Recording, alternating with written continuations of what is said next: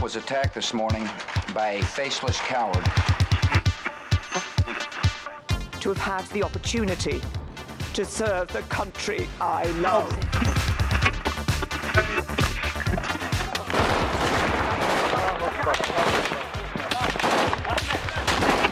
Den Einsatz für Frieden und Freiheit in Deutschland, in Europa und in der Welt. We will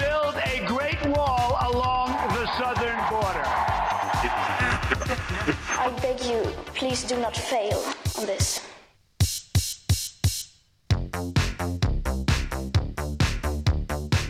Góðan dag kæru hlustendur, þá er komið að áttunda þætti heimskveðna hér á Rás 1. Ég heiti Guðmundur Björn Þorbjörnsson. Og ég heiti Birta Björnsdóttir. Eins og alltaf ætlum við að flytja ykkur fréttir og frásagnir utan úr heimi. Þátturinn er endurfluttur á lögutaskvöldum og hann er að sjálfsögða hægt að finna á öllum helstu hlaðvarpsveitum. Og í spilaranum á rúf.is. Heimskviður hilsa, förstu daginn 4. oktober 2019. Blæðingaskömm er hugtak sem er kannski ekki á allra vörum daglega. Hún getur hins vega verið dauðans alvara. Úlingstúlka í Kenia fyrir fór sér á dögunum eftir að kennarinn hennar hafði smánaðana fyrir að vera á blæðingum. Og víðar um heim blasir við líka smánun mörgum konum um það byl einu sinni í mánuði. 1000 beinagrindum, 6750 kvörtunum og 569 vinnuslissum síðar var ný metróleið opnuð með pompi og prakti í Kaupmannahöfn síðastleina helgi. Framkvæmdirnar eru þær umfangsmestu í borginni í einn 400 ár. En við byrjum í Kína en haldið var upp á merk tímamót þar í landi í vikunni. 70 ár eru frá stopnun alþýði lífveldisins Kína þegar að kommunistaflokkur Maos formans komst til valda. Mikið vatn hefur unnið til sjávar síðan þá og þetta stórveldi sem gerir sér sífælt meira gildandi á alþjóðavettfangi er gjör breytt frá því fyrir 70 árum. Guðmundur Björn tekur nú við.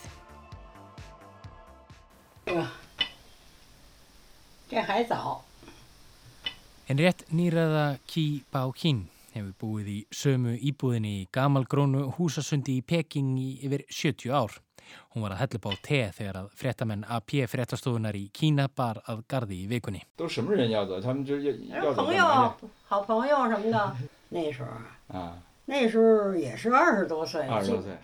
Og hægt er að segja að Kí hafi lifað tíman að tvenna. En hún var rétt tvítug þegar blóðu borgarastyrjöld í Kína tók enda og kommunistaflokkur Mao Tse-tung tók völdin. Hún svo, mæn í þessu, ljáðu fó, nærðu tján, ljáðu fó. Ký segir frettamannum frá lífinu í Kína fyrir byltinguna. Þá hafði hún unnið fyrir sér sem göturlistamæður og dreyið þannig fram lífið á samt eigimanni sínum og séð börnum sínum tveimur farborða. Þau áttu varla fyrir mat en eftir byltinguna fóra að byrta til. Ký og eiginmaður hennar voru ráðinn til starfa í ríkisereknum sirkus og fengu sæmileg laun. Hún segir framtíðina hafa lofað góðu. Það ótti þó eftir að breytast. Við víkjum aftur að Ki gömlu síðar í þessum pistli. Því um sveipað leiti og hún heldi upp á í gömlu íbúðinni í gamal gróna húsasundinu fóru mikil hátíðahöld fram annar staðar í höfuborginni, nánar tiltekið þann 1. oktober. Þá fögnuðu kínverjar þessum merku tímamótum að 70 ár eru liðin frá stopnun alþýðu liðveldisins Kína. 70 ár frá því að Mao formaður lísti yfir stopnun alþýðu liðveldisins á torgiins himneska friðar. En nú stendur þar annar leiðtói, Xi Jinping, fórsiti og ávarpar þjóð sína.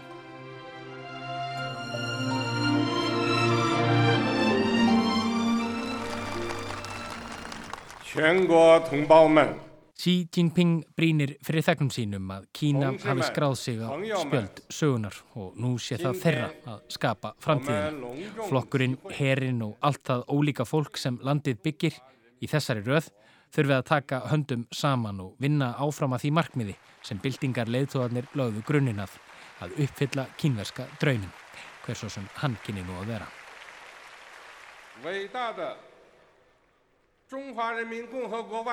Lengi í lifi alþýðu líðveldið Kína, rópar fósitinn. Lengi í lifi kínverski kommunistaflokkurinn. Já, lengi lifi Kína og lengi lifi flokkurinn. Flokkurinn sem hefur fyllt kínverjum í gegnum gríðarlegar efnahagslegar og samfélagslegar breytingar síðastliðin 70 ár.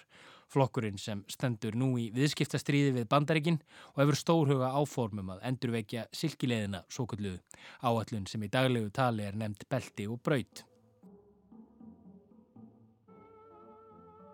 En dauði tuga miljóna kínverja er einni brennimertur þessum sama flokki, hungursneið, fjöldamorð, pólitískar ofsóknir og markháttað harðræði sem þegnar alþýðulífildisins hafa þurft að þóla. Já, allt þetta átti sér stað á vakt flokksins.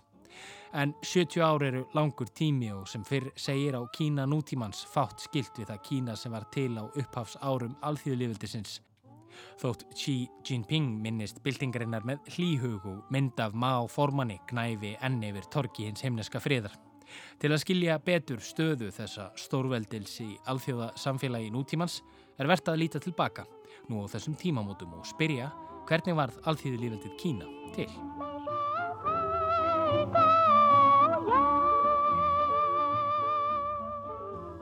Já, það verður náttúrulega til í kjölfar borgarastýraldar sem að áttist að melli tveggja afla í Kína annars vegar komanstalflokksins og hins vegar þjóðurnisflokksins sem að aflokum tapaði og, og flúði til Tævan Segir Magnús Björnsson, fórstöðumadur Konfúsíusar stofnunarinnar á Íslandi. Magnús namn alþjóða stjórnmáli Renmin Háskóla í Peking og starfaði um hríð í Íslenska sendiráðinu þar í borg. Þótt ekki gefist tími til að ræða í þaula þá floknu sögu sem liggur á baki þeim átökum sem urðu til þess að kommunistaflokkurinn komst til valda í Kína er verðt að nefna að borgarastyrjöld hafði staðið yfir í landinu frá því Japanir yfirgáfu það við lok síðari heimstyrjaldar og þjóðurnin sinnar tóku við. En svo Magnús nefnir flúðu þeir til Tæfan og Mao Tse-tung, leðtogi kommunistaflokksins, verður aðsti maður hins nýstofnaða líðveldis. Þótt þetta hafi verið blóðug bylting af gamla skólanum þar sem hundruð þúsunda fjallu var hún líka liður í kaldastýristablinu þar sem kommunistar voru stuttir af sovjetmönnum en þjóðurtinsinnar af bandaríkjamönnum. En e, trúlega var líka eitt stór áhrif á þáttur sem var til þess að þjóðurtinsinu töpu var það að bandaríkjamennu voru, voru búin að missa trúna á þeim og sérstaklega leituð þeirra Sjanghai Shek sem að hérna fylgdi ekki alltaf rálegginu þeirra og, og hérna þannig að bandaríkjamennu gáði bátinn. Með stopnun alþýðlífildisins Kína hrindir kommunistaflokkurinn lofórðum sínum í framkvæmt og í hönd fóru umfangsmiklar breytingar á uppskiptingu jarnæðis. Stórir landeigendur mistu landið og því var skiptu upp á milli bænda. Í borgum voru verksmiður, þjóðnýttar og erlend fyrirtæki rekin úr landi. En það hafði má lofa því þegar hann áarpaði þjóðsína og torki hins heimneska friðar að oki erlendra stórvelda yfir Kína veri lokið. Þessar umfangsmiklu þjóðfélagsbreytingar fóru þó nokkuð hægt af stað en með tíð og tíma fór að gæta aukinar rótækni innan flokksins og þá ekki síst hjá má formanni.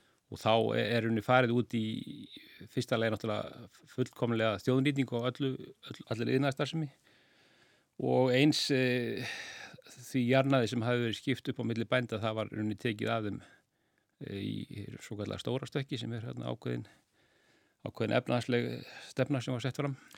Stóra stökkið sem stundum er kallað framfara stökkið mikla var nokkur skonar efnahagsleg áætlun sem ætlað var að umbylta bændasamfélaginu algjörlega.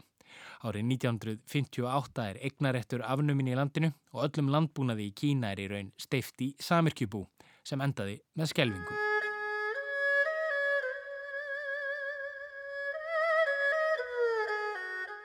Talið er að ekki færre en 30 miljónir manna hafi látið lífið í hungursneið sem fyldi í kjölfar þessara breytinga frá 1958 til 1961.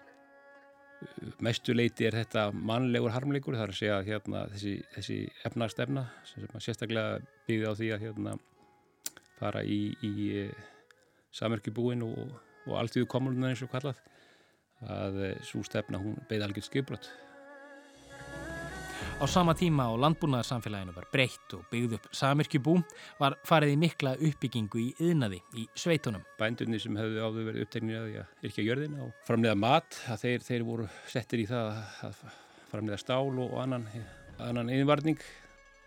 Eftir sátu akradnir og enginn syndi þeim. Þetta fór sömulegis ekki vel. Í kjölfari dró má sig til hljés. Hann leta af ennbætti sem leiðtói landsins en gengdi áfram formensku í kommunistafloknum. Við stjórnlandsins tók Deng Xiaoping og fekk hann það ærna verkefni í hendurnar að reysa við efnahag landsins.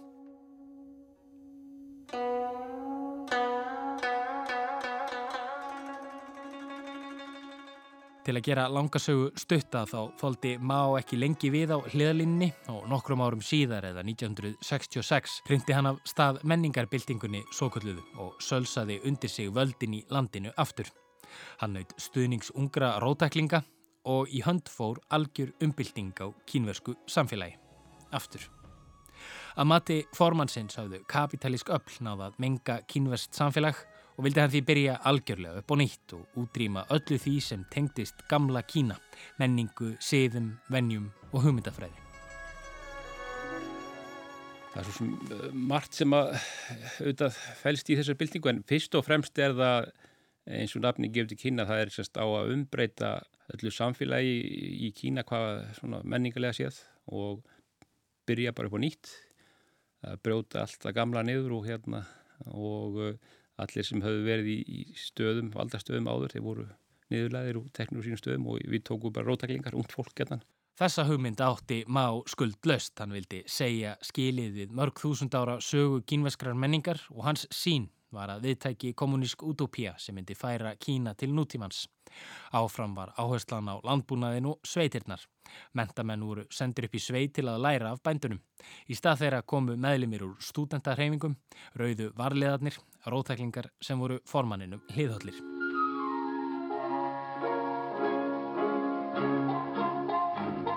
Og þessu kynntist hinn nú nýræða Kí, svo gamla muniði sem býr enni í gömlu íbúðinni í gamla húsasundinu í Peking. Á tímum menningarbyltingarinnar var sirkusinn sem hún og maður hennar störfiði í leistur upp og henni gert að vinna heima fyrir á meðan einmanni hennar var gert að vinna erfiðisvinnu. Þetta voru erfiðir tímar. Nei, svo er uh,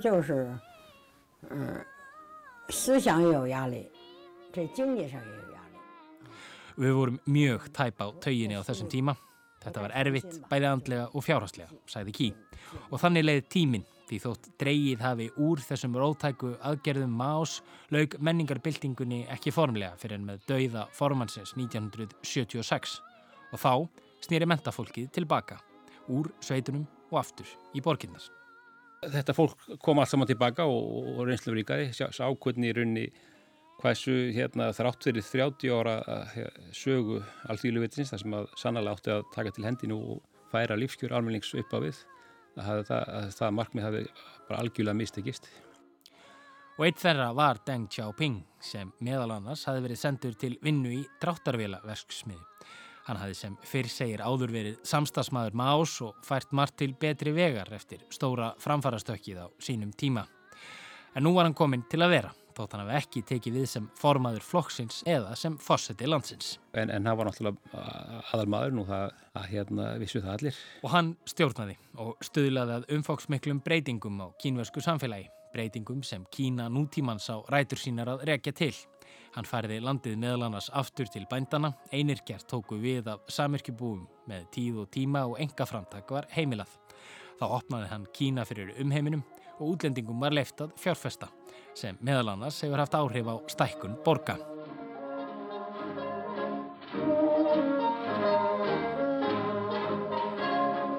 Rúm 40 árir síðan Deng Xiaoping og hans fólk tók við og gengið hefur á ýmsu. Til að fara hratt yfir sögu er þó hægt að segja að hægfara skref hafi verið stígin í átt til markaðsbúsakapar og etnahagslegar umbættur hafi orðið sífælt hraðari. Kommunistaflokkurinn er ennþá við völd, svo það sé á hreinu, en stefnaflokksins er komin langt frá kommunískri hugmyndafræði. Fyrst var þetta nú kallaður hérna, sósialismi með kínverskum enginum og er endar kallað það held ég einhver liti þá. Þetta er bæði kommunismi og kapitalismi sem vinna hana saman. Og Magnús segir kínverja ekki feimna við að viðurkenna það. Sósialískur markasbúskapur er þetta stundum kallað, en ljóst er, ynguðað síður, að í dag er fátt sem minnir á sósialisma í Kína. Þetta var ekki meðvituð ákvörðun sem var tekin eitt góðan viðurdag, heldur var þetta þróun sem náði yfir langt tímabill. Og flokkurinn og hugmyndafræði hans hefur þróast sömu leiðis. Hugmyndafræðin hefur náttúrulega breyst gríðarlega mikið úr því að vera náttúrulega bara einhver últramáismi og, og kommunismi og yfir í það að vera hérna er unni flokkur sem að uh, umber kapitalisma og uh, gerir það sannlega og, og það hefur tekið náttúrulega, hefur hann gert í svona smá skrefum. Hér áður fyrir voru einu félagarnir í kommunistafloknum, bændur og verkamenn, en nú eru þar einnig yðnjöfrar og kauphjæðnar. Kommunistaflokkurinn er í raun eini flokkurinn í landinu og kínveska þjóðþinginu er í raun aðeins teknar ákvarðanir sem eru fyrirfram samþyktar af yfirstjórn flokksins. Meðlimir hans eru yfir 90 miljónir og toppnum trónir núverandi leðtogi, fósetti landsins Xi Jinping.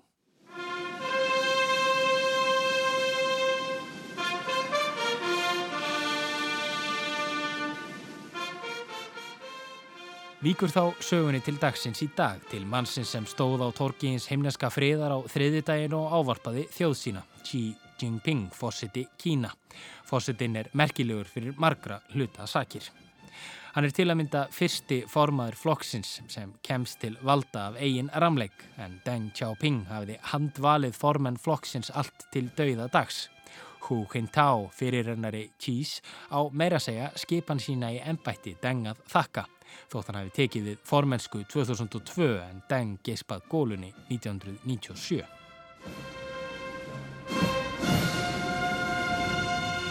Á meðan Hu Jintao þótti nokkuð linur leðtogi þykir Xi Jinping ólíkur forvera sínum og forverum sínum öllum. Hann tók strax til hendinni við að færa meiri völd yfir á fósettaskrifstofuna og fer í viðtækar stefnubreitingar. Hann berst til að mynda fullum krafti gegn spillingu í landinu sem hafi þróast á stjórnartíð fyrirrennara hans í starfi og þannig jók hann vinsaldir sínar meðal almennings og viðhelt trú fólksins í landinu á floknum. En hann hefur þó ekki breytt öllu. Það var svona þegar hann tóku völdum og þá voru mjög margi sem tölda að væri, væri mikill umbúta sinni. Það kemi af efnarsmálum en en það er nú svo sem ekki gengið eftir. Magnús bendir á að fósittin hafi ekki dreyið úr umsvifum ríkisfyrirtækja í Kína eins og vonir stóðu til nema síður sé. Í utanríkismálum og alþjóðamálum hefur þó orðið töluverð stefnumbreyting. Deng Xiaoping vildi ekki að Kína ótaði sínum tóta á alþjóða vettvangi og heldi sig frekar til hljés. En núverandi fósitti hefur tekið stóra sviðinu fagnandi og Kína er orðin stór þáttakandi á alþjóða sviðinu. Þetta er mikil stefnubreiting frá stjórnartíð fyrirrennar hans Hu Jintaos.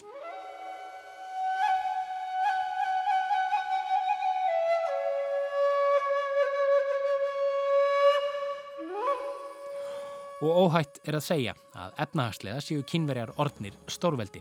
Kína er mikilvægasti viðskiptavinnur yfir hundrað landa í heiminum. Kínverjar eru til dæmis aðsóps miklir í þriðja heiminum og hafa gert fríverslunar við litla Ísland meðal annars. Og svo er það belti og braut, hugtak sem við höfum heyrt kastað fram, hugmynd sem er í stöður í þróun. Belti og braut er nokkus konar yðnviða og fjárfestingarverkefni sem fælst í stóru auknum umsvifum bæði lestarsamgöngum og uppbyggingu hraðbrauta í Kína og í uppbyggingu hafna sem tengja eiga Kína betur við umheiminn. Belti og braut hefur markað utaríkis stefnu Xi Jinping síðustu ár. Uppala var þetta nú bara hérna endur vekja komlu silkileðina, bæði landliðin og sjóleðina, en síðan hefur þetta náttúrulega verið að færast og útvikast út um alla heimurinni. Og við vitum í raun mjög lítið um það hverja raunverulegar ástæður þessarar áherslu og aukið aðgengi annara þjóða að kínversku mörguðum eru. Aðrar en mögulega þær að gera aðrar þjóðir háðar í Kína og viðskiptum við ríkið. Já, eflust er, er það einhver starf og hérna, þetta er svona, ég hef nú sagt að stundum að, að, að sko, kínvera munum aldrei sigra með vopnavaldi, það er nú frekar á efnarslega sviði sem að þeir munum frekar sigra heiminn. Og þetta er kannski einhver liður í því að hérna, einmitt að gera þjóður svona háðari sér og að svona, tengja þjóðurinn kannski meira efnarslega við Kína, það er einhver hlutið af þessu.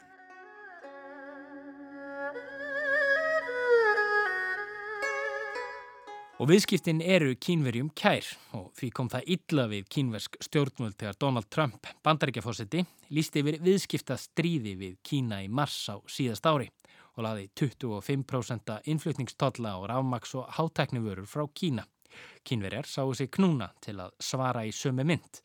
Þeir ættu yngra annara kosta völ. Trump ákveður svona kannski taka þetta þannig að hann bandarækinn fari bara í svona sólóstríði við, við, við kínverja. Þessa ákvörðun Trumps má reykja til þess sem hann kallaði ósangjarna viðskiptahætti kínverja. We have a tremendous intellectual property theft situation going on Kynverjar stunduðu ríkistyrtan hugverkaþjófnað að mati Trumps og bandaríkinn töpuðu illa á viðskiptum við Kína. En viðskipta jöfnuður bandaríkjana gagvart Kína var neikvæður um rúmlega 375 miljónir bandaríkjadólara árið 2017. Þrátt fyrir miklar samningaviðræður milli ríkjana stendur deilan enn og kínverjar láta engan bilbug á sér finna. Verið segja eh, hafa þeir verið að uh, verið sérstaklega, núna endur færði kannski leitast eftir að setja totla á vörur sem að koma frá svæðin sem eru sem að Trump nýtur stuðnings þannig að svona til þess að það býti aðeins á hann svona pólitíst. Í síðasta mánuði tilkynnti Trump að fyrir hugaðri hækkun á innflutningstóllum á vörum frá Kína úr 25% í 30 er þið frestað að beðni kínveskra stjórnmalda vegna 70 ára afmælis alþýðu liðveldisinn sem haldið var upp á með pompi og prakti í vikunni. Erlendir fréttaskýrendur segja þetta merkjum að sátt gæti verið í vendum millir þessa efnahagslegu stórvelda.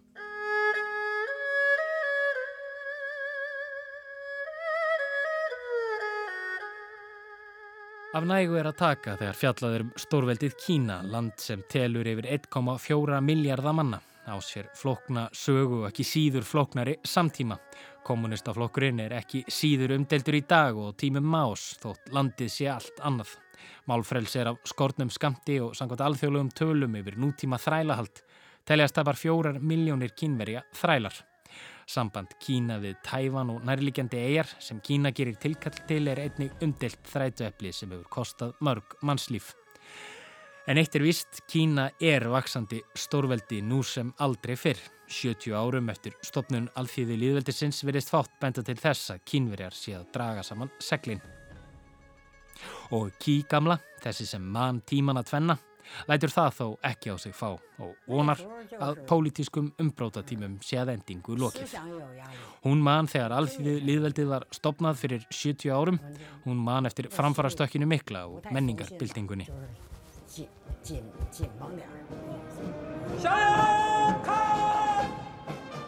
Hennar leiðtói í dag er Xi Jinping sem í krafti nýra stjórnarskrárbreytinga mun geta setið lengur í ennbætti en forvera sínir. Leiðtói sem horfir út á við út fyrir landsteinana stendur í milliríkja deilu við bandaríkin á sama tíma og hann vinnur að uppbyggingu hafnarmannvirkja og lestarsamgangna sem tengja Kína við umheimin. Hver arleið Xi Jinping verður verður tímin að leiða í ljós. En það gæti orðið langur tími þanga til.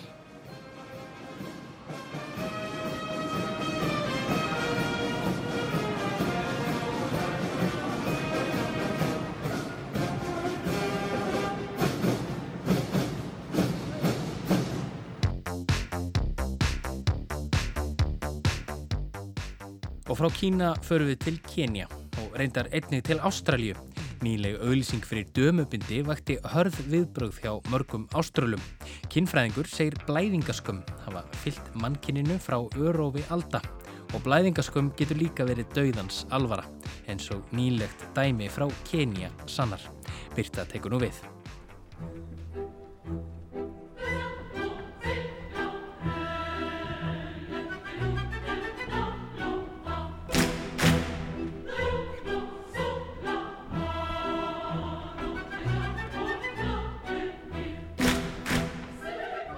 Nýleg auðlýsing frá framleiðendum Libra dömubinda í Ástralíu rataði í heimsfrittinnar á dögunum.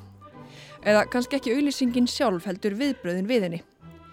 Auðlýsingin sem er vel á þriðjum mínútu sínur konur á ýmsum aldri við leik og störf. Í skólanum, í sundi, í sleik, í vinnunni. En þar sem auðlýsingin er fyrir dömubindi koma blæðingar þarna örlítið við sögu.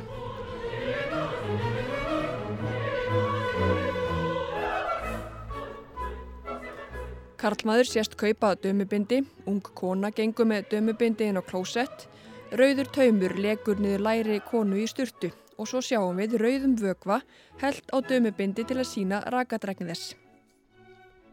Og þá var þetta síðast nefnda, rauði vögvin sem fór fyrir brjóstið á þó nokkrum sjómasáhörfundum í Ástralju. Hundruð kvartana bárust frá ósáttum sjómasáhörfundum sem þótti það algjör óhæfa að hafa svona nokkuð fyrir augunum fleiri kvartanir en vegna nokkurar annarar auðlýsingar á árinu.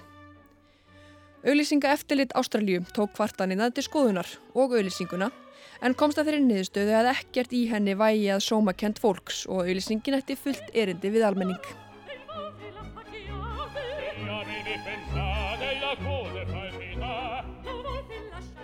En það voru einmitt þessi viðbröð sem hugmyndasmiður auðlýsingarnar vildu vinna bug á. Í auðlýsingunni sést texti á borðu við. Blæðingar eru eðlegar, það ætti líka verið eðlegt að sína þeir. Og einnig, af hverju er talið óásættanlegt að sína tíðablóð?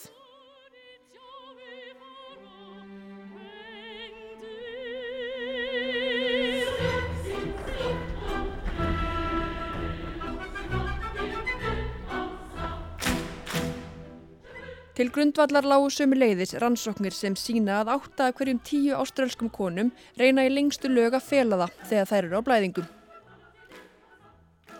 En eru viðbröðum við auðlýsingunni eðlileg eða á eitthvað nátt skiljanleg? Það er vist best að spyrja konu sem veit aðeins meira um álið. Konu sem er að skrifa bókum blæðingar, eins konar íkæða bæklingum blæðingar eins og hún segir sjálf.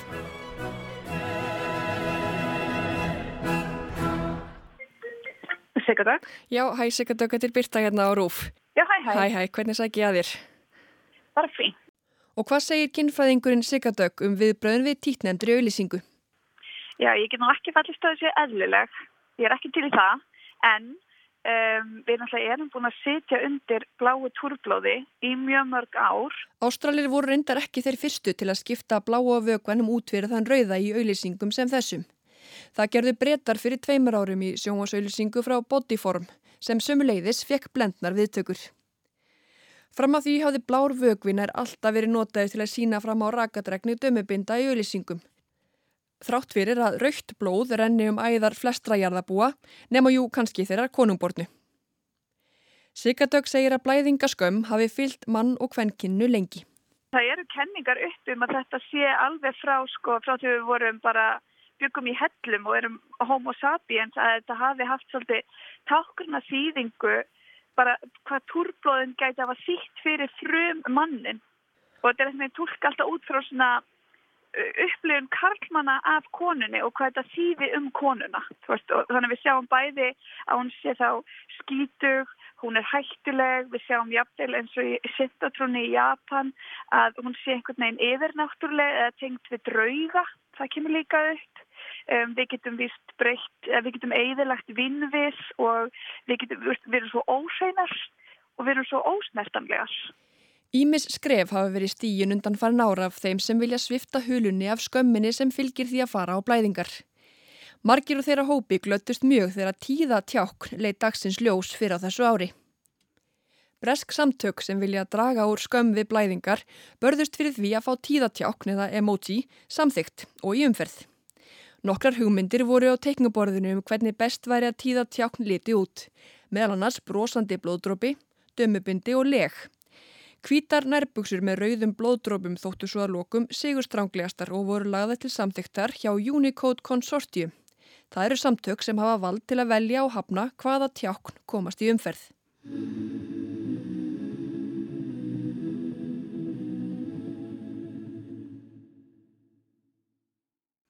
Blóðugu nærbuksunar hlutu ekki náð fyrir augum þeirra og úrvarð að blóðdrópi var kynntu til sögunar sem nýtt tjákn eða emoji fyrir blæðingar. Því umræða um blæðingar hefur ekki alltaf fengið að vera óáreitt á netinu. Ætli frægasta dæmi sé ekki ljósmynd sem ljósmyndarinn Rúbi Kár byrti á Instagram fyrir fjórum árum. Á myndinni sést aftan á konu sem liggur í rúmi með blóðblett í klófunni á náttbúsunum sínum, auk þess sem sést í lítinn blóðblett á lakinu sem hún liggur á. Instagram fjarlægði myndina, tvísvarsinnum, og sagði hana ekki samræmast reglum samfélagsmiðinsins. Í reglum Instagram eru ákvæði um bann við myndum sem sína kynferðislega allot, ofbeldi og nekt. Þar segir hins vegar ekkert um blæðingar. En það voru viðbröðin við frásögn Kár um málið það mikil að Instagram baðst afsökunar og byrti myndina. Ég myndi segja að það verður rosalega mikið að breytast. Það er rosalega mikil blæðingaaktivismi, grassroot og fræðmenn eru búin að vinna mikið saman og hérna, ég myndi segja að það væri mikið aðbreytast bara með því að til dæmis benda á að blóði sé ekki blátt og það sé fáranlegt að það sé þannig í auðlýsingunum. En stundum er þetta lítil skref og stundum er þetta til dæmis að segna túrmynd á samfélagsmiðlum. Þú, veist, þú kemst upp núna með aðeins meira að því það er svo margifarnir að mótmæla. Og svo er það Charles Coates frá Sotik í Kenya. Hann er 37 ára og hóf sína eigin herrferð á samfélagsmiðlum á dögunum undir minnumerkinu End Period Shame eða bindum enda á blæðingaskömm. Það gerði hann undir ljósmynd af sjálfum sér þar sem hann heldur á dömubindi þar sem áveru skrifu þessi skilabóð með rauðum lit. Fleiri fylgdu í kjölfarið. Barat á hans á samfélagsmiðlum er hins vegar ekki komin til að góðu því blæðingaskömm getur líka verið döðans alvara.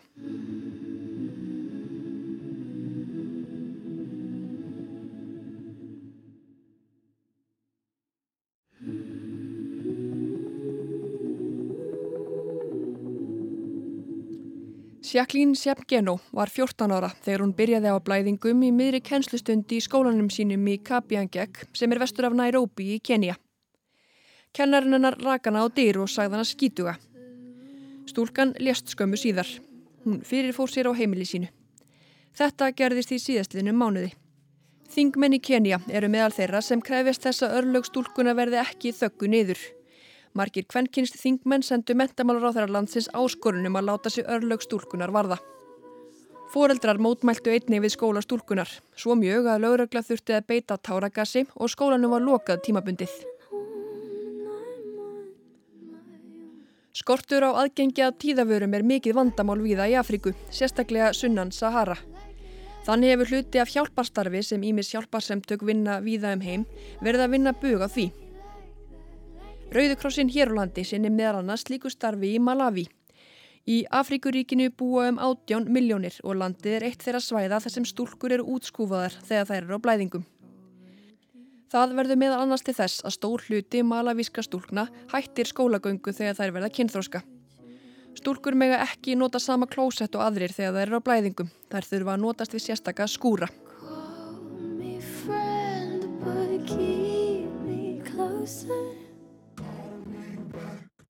Í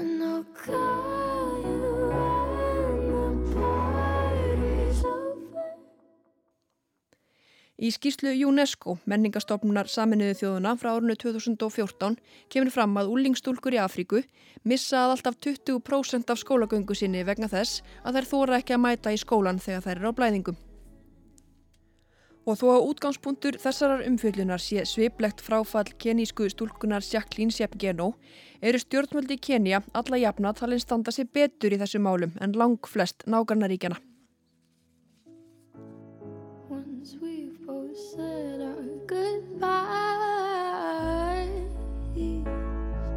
Let's just let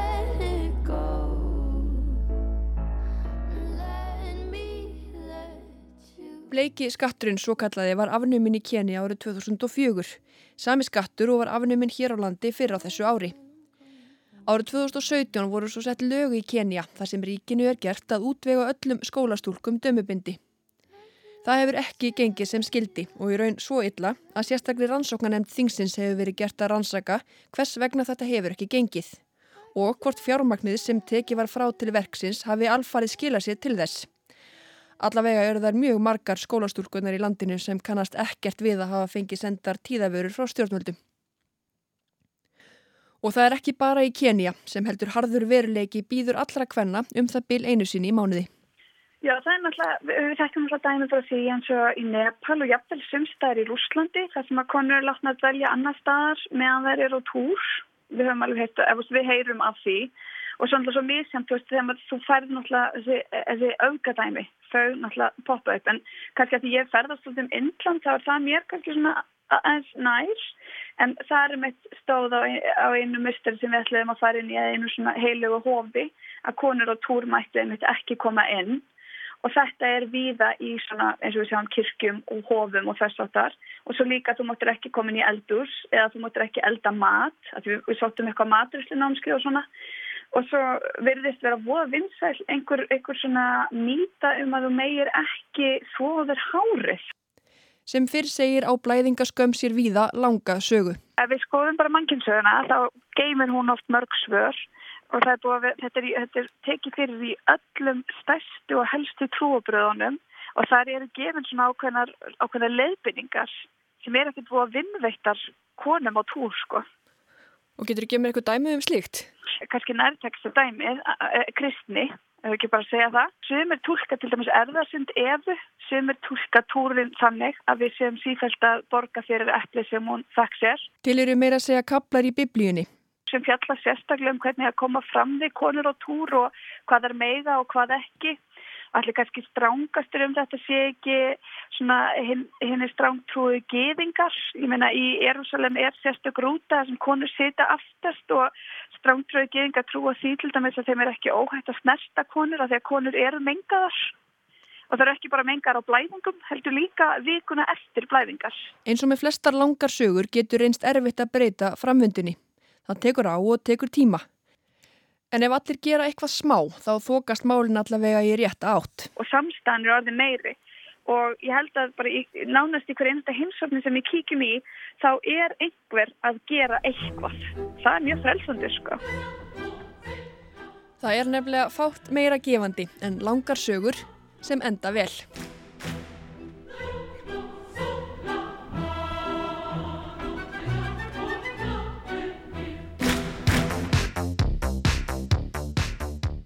Þá höldum við til okkar forna höfuðstadar, Kaupmannahafnar.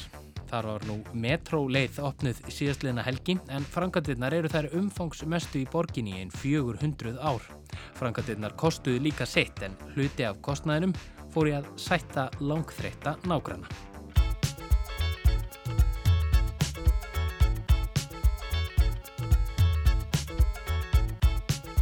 Margret Danadrottning og Mette Fredriksen, fósættisir á þeirra Danmerkur, lappa saman inn í neðanjörðarlest. Nei, þetta er ekki upphafið á skrítlu, heldur sönn frásögn af því hvernig tvær valdamestu konur Danmerkur vörðu hluta af síðastlinum sunnudegi. Það gerði þar að sjálfsögðu undir vökulum augum sísmellandi ljósmyndara eins og heyra má, en það var tilefnið ærið. Þær Margrét og Fredriksen voru nefnilega ekki bara í sunnudagsbíltúr eftir lestarteinum höfuborgarinnar heldur voru þeirra víja nýja leið i sístækkandi neðanjarðarlestakerfi Kaupmannahafnar. God aften og velkommen her til TV-avisen. Nu ruller den altså, den omstridte københavnske Metro Cityring. Og det er blevet fejret det meste af dagen med hele det store udtræk og dronning Margrethe og gratis kørsel. Já, TV-avísin á Danska ríkisjónvarpinu fjölluð ekki um margt annað á sunnudaginn var en það stór stund í lífi margra dana. Og eins og þarna kom fram er þetta umfangsmestu mannvirkja framkvæmtir í höfuborginni síðan í valdatíð Kristjáns fjórða.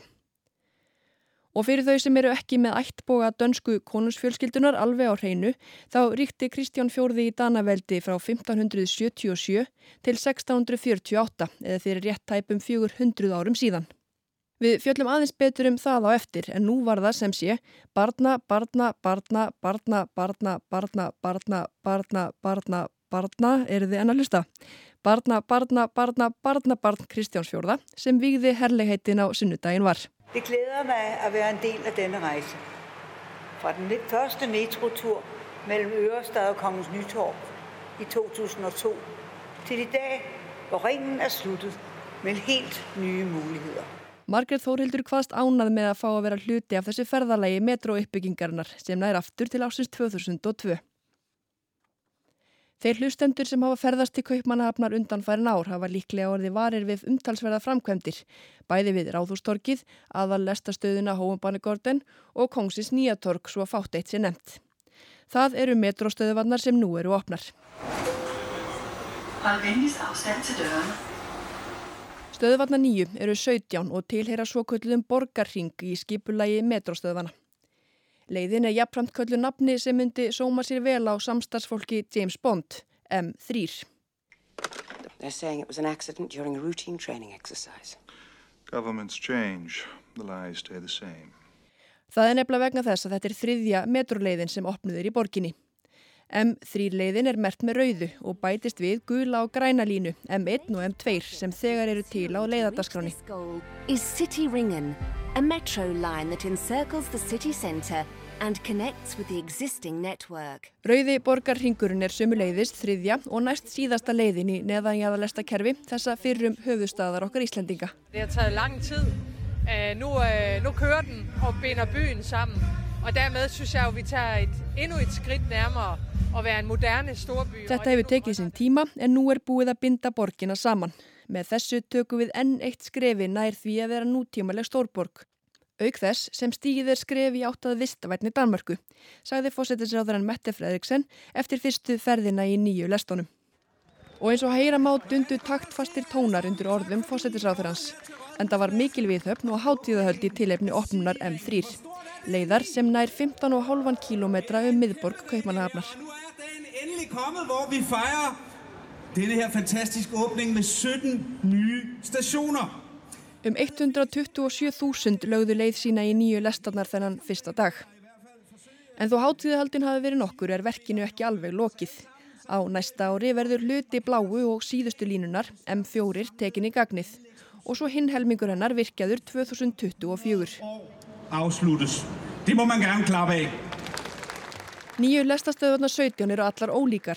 Þær príða innréttingar í ólíkum litum og mismunandi hönnun sem meðal annars á að auðvelda þeim sem lestirna nota að átta sig hvar þau eru stött.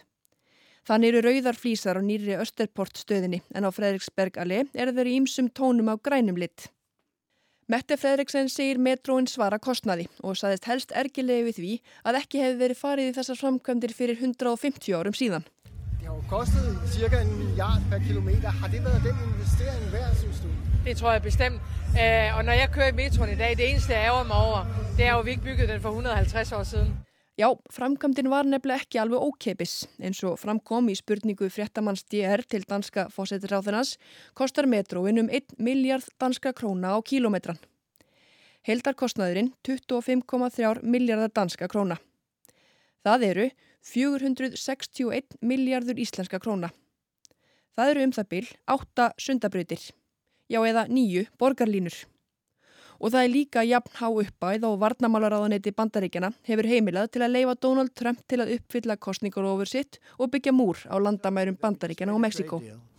And we will take in billions and billions of dollars, far more than the cost of the wall. The wall is peanuts compared to what... En nú um það, metrón sem sé kostaði 10% meira en áallad var. Det er dyrt at lave metro, men det er jo også en transportform, som både er grøn og bæredygtig og kommer til at holde i ja, mange hundrede år frem. Það er dýrt að gera metró, segir Frank Jensen, borgarstjóri Kaupmannahafnar. En þetta er líka samgöngumáti sem er vistvætni og sjálfbærari en margir aðrir. Auk þess sem hægt verður að nota metróin í hundruðir ára. En það var ekki bara kostnæðurinn sem fór fram úr áætlun. Það var fleira í framkvæmdini sem gekk ekki alveg sem skildi. Opnunin um helgina kom til að mynda nýju mánuðum of seint. Og svo voru það ósáttu nágrannanir.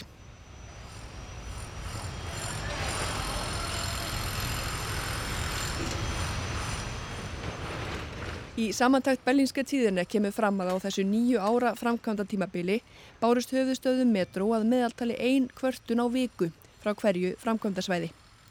Það urðu allt í allt 6.750 umkvartanir. Níls Engelbrekt Sørensen er einn þeirra. Det har været et mareritt af dimensioner. Hann býr við aðal brautastöðina og hefur ekki getað notað útidýrahurðina sína í 8 til 9 ár. Hefur þurft að ganga út um bakdyrnar hjá sér allan þennan tíma. Hann segir framkvæmdinnar hafa verið algjöra martröð og mörg þáðu bætur fyrir ófriðin. Um 4.600 heimili fengu greitar bætur sem samtals hljóðuð upp á um 400 miljónir danska króna eða tæpa 7,3 miljardar íslenska króna. En annað sem gaggrínt var við framkvæmdina var aðbúnaður starfsfólksins sem vann að verkinu. 569 vinnuslis eru skráðu vegna framkvæmdana og lélegur aðbúnaður vinnufólks var sömu leiðist til umræðu. Am început ca să în contract am semnat o chestie și mână tot 6 euro ne dădea. Þetta var Leonte Scripa, eitt þeirra ótal mörgu sem unnu við framkvæmdina. Hann saðist í þessu viðtali fyrir tveimur árum síðan hafa verið með samning við danskan verktaka en hafi einungis fengið greittar um 6 efrur á tíman. Og það voru ekki bara einhverjir vinnumannana sem voru svikkin um greiðslur vegna framkvæmdana. Skattaeyfirvöld í Danmörku komist að undan skotum og vangreitum skatti fyrir tæpan miljard íslenska króna. En Danir voru langt flestir allsælir þegar nýja metroleiðin komst loks í gagnið.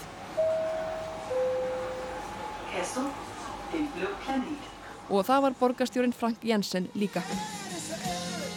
Det er jo det største anlægsprojekt i mere end 400 år i København, så det er en historisk dag. Det skaber en helt ny måde at bevæge sig rundt i København på mellem de forskellige kvarterer. Já, þarna eru þau aftur nefnt 400 árin sem liðin eru frá viðlíka framkvæmdum í Kaupmannahöfn.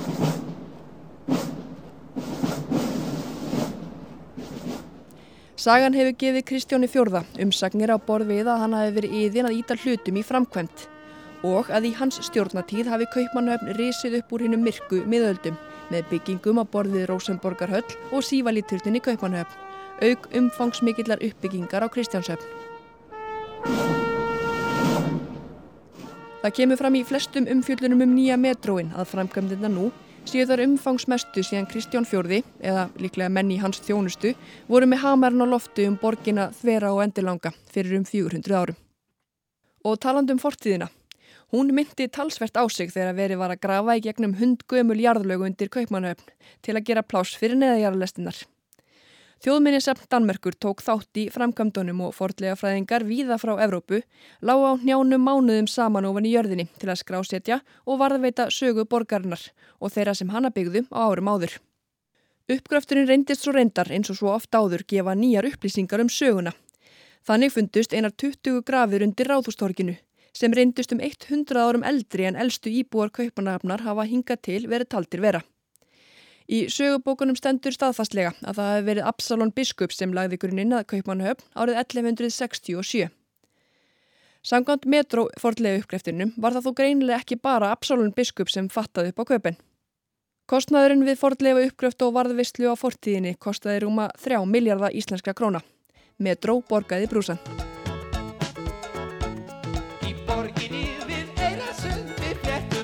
Okkur sigur sveig Allir vegir verða okkur færir hér í Kuben Í Kuben, Kuben, hérna út í Kaupinhafn Í kóksins Það kostar nú 437 íslenska krónur að kaupa eina ferð í metróin en miðaverðið hækkaði um cirka 30 krónur vegna nýju framkvæmdana. Það er örlítið ódýrara en einn ferð í strætó hér heima sem kostar 470 krónur.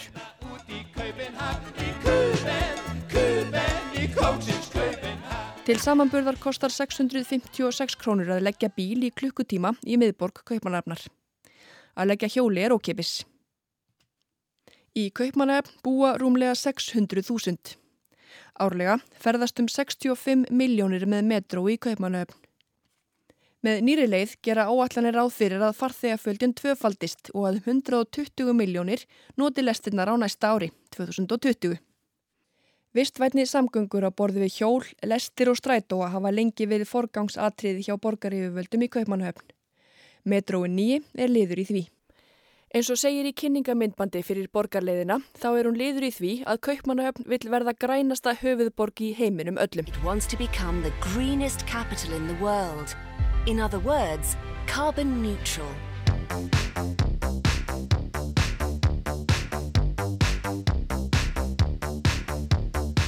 Já, það eru neðanerðar lestakerfi Kaupmannahöfnar sem við ljúkum heimskviðum að þessu sinni. Já, eftir smá viðkomu í Kína, í Kenya og í Ástralju.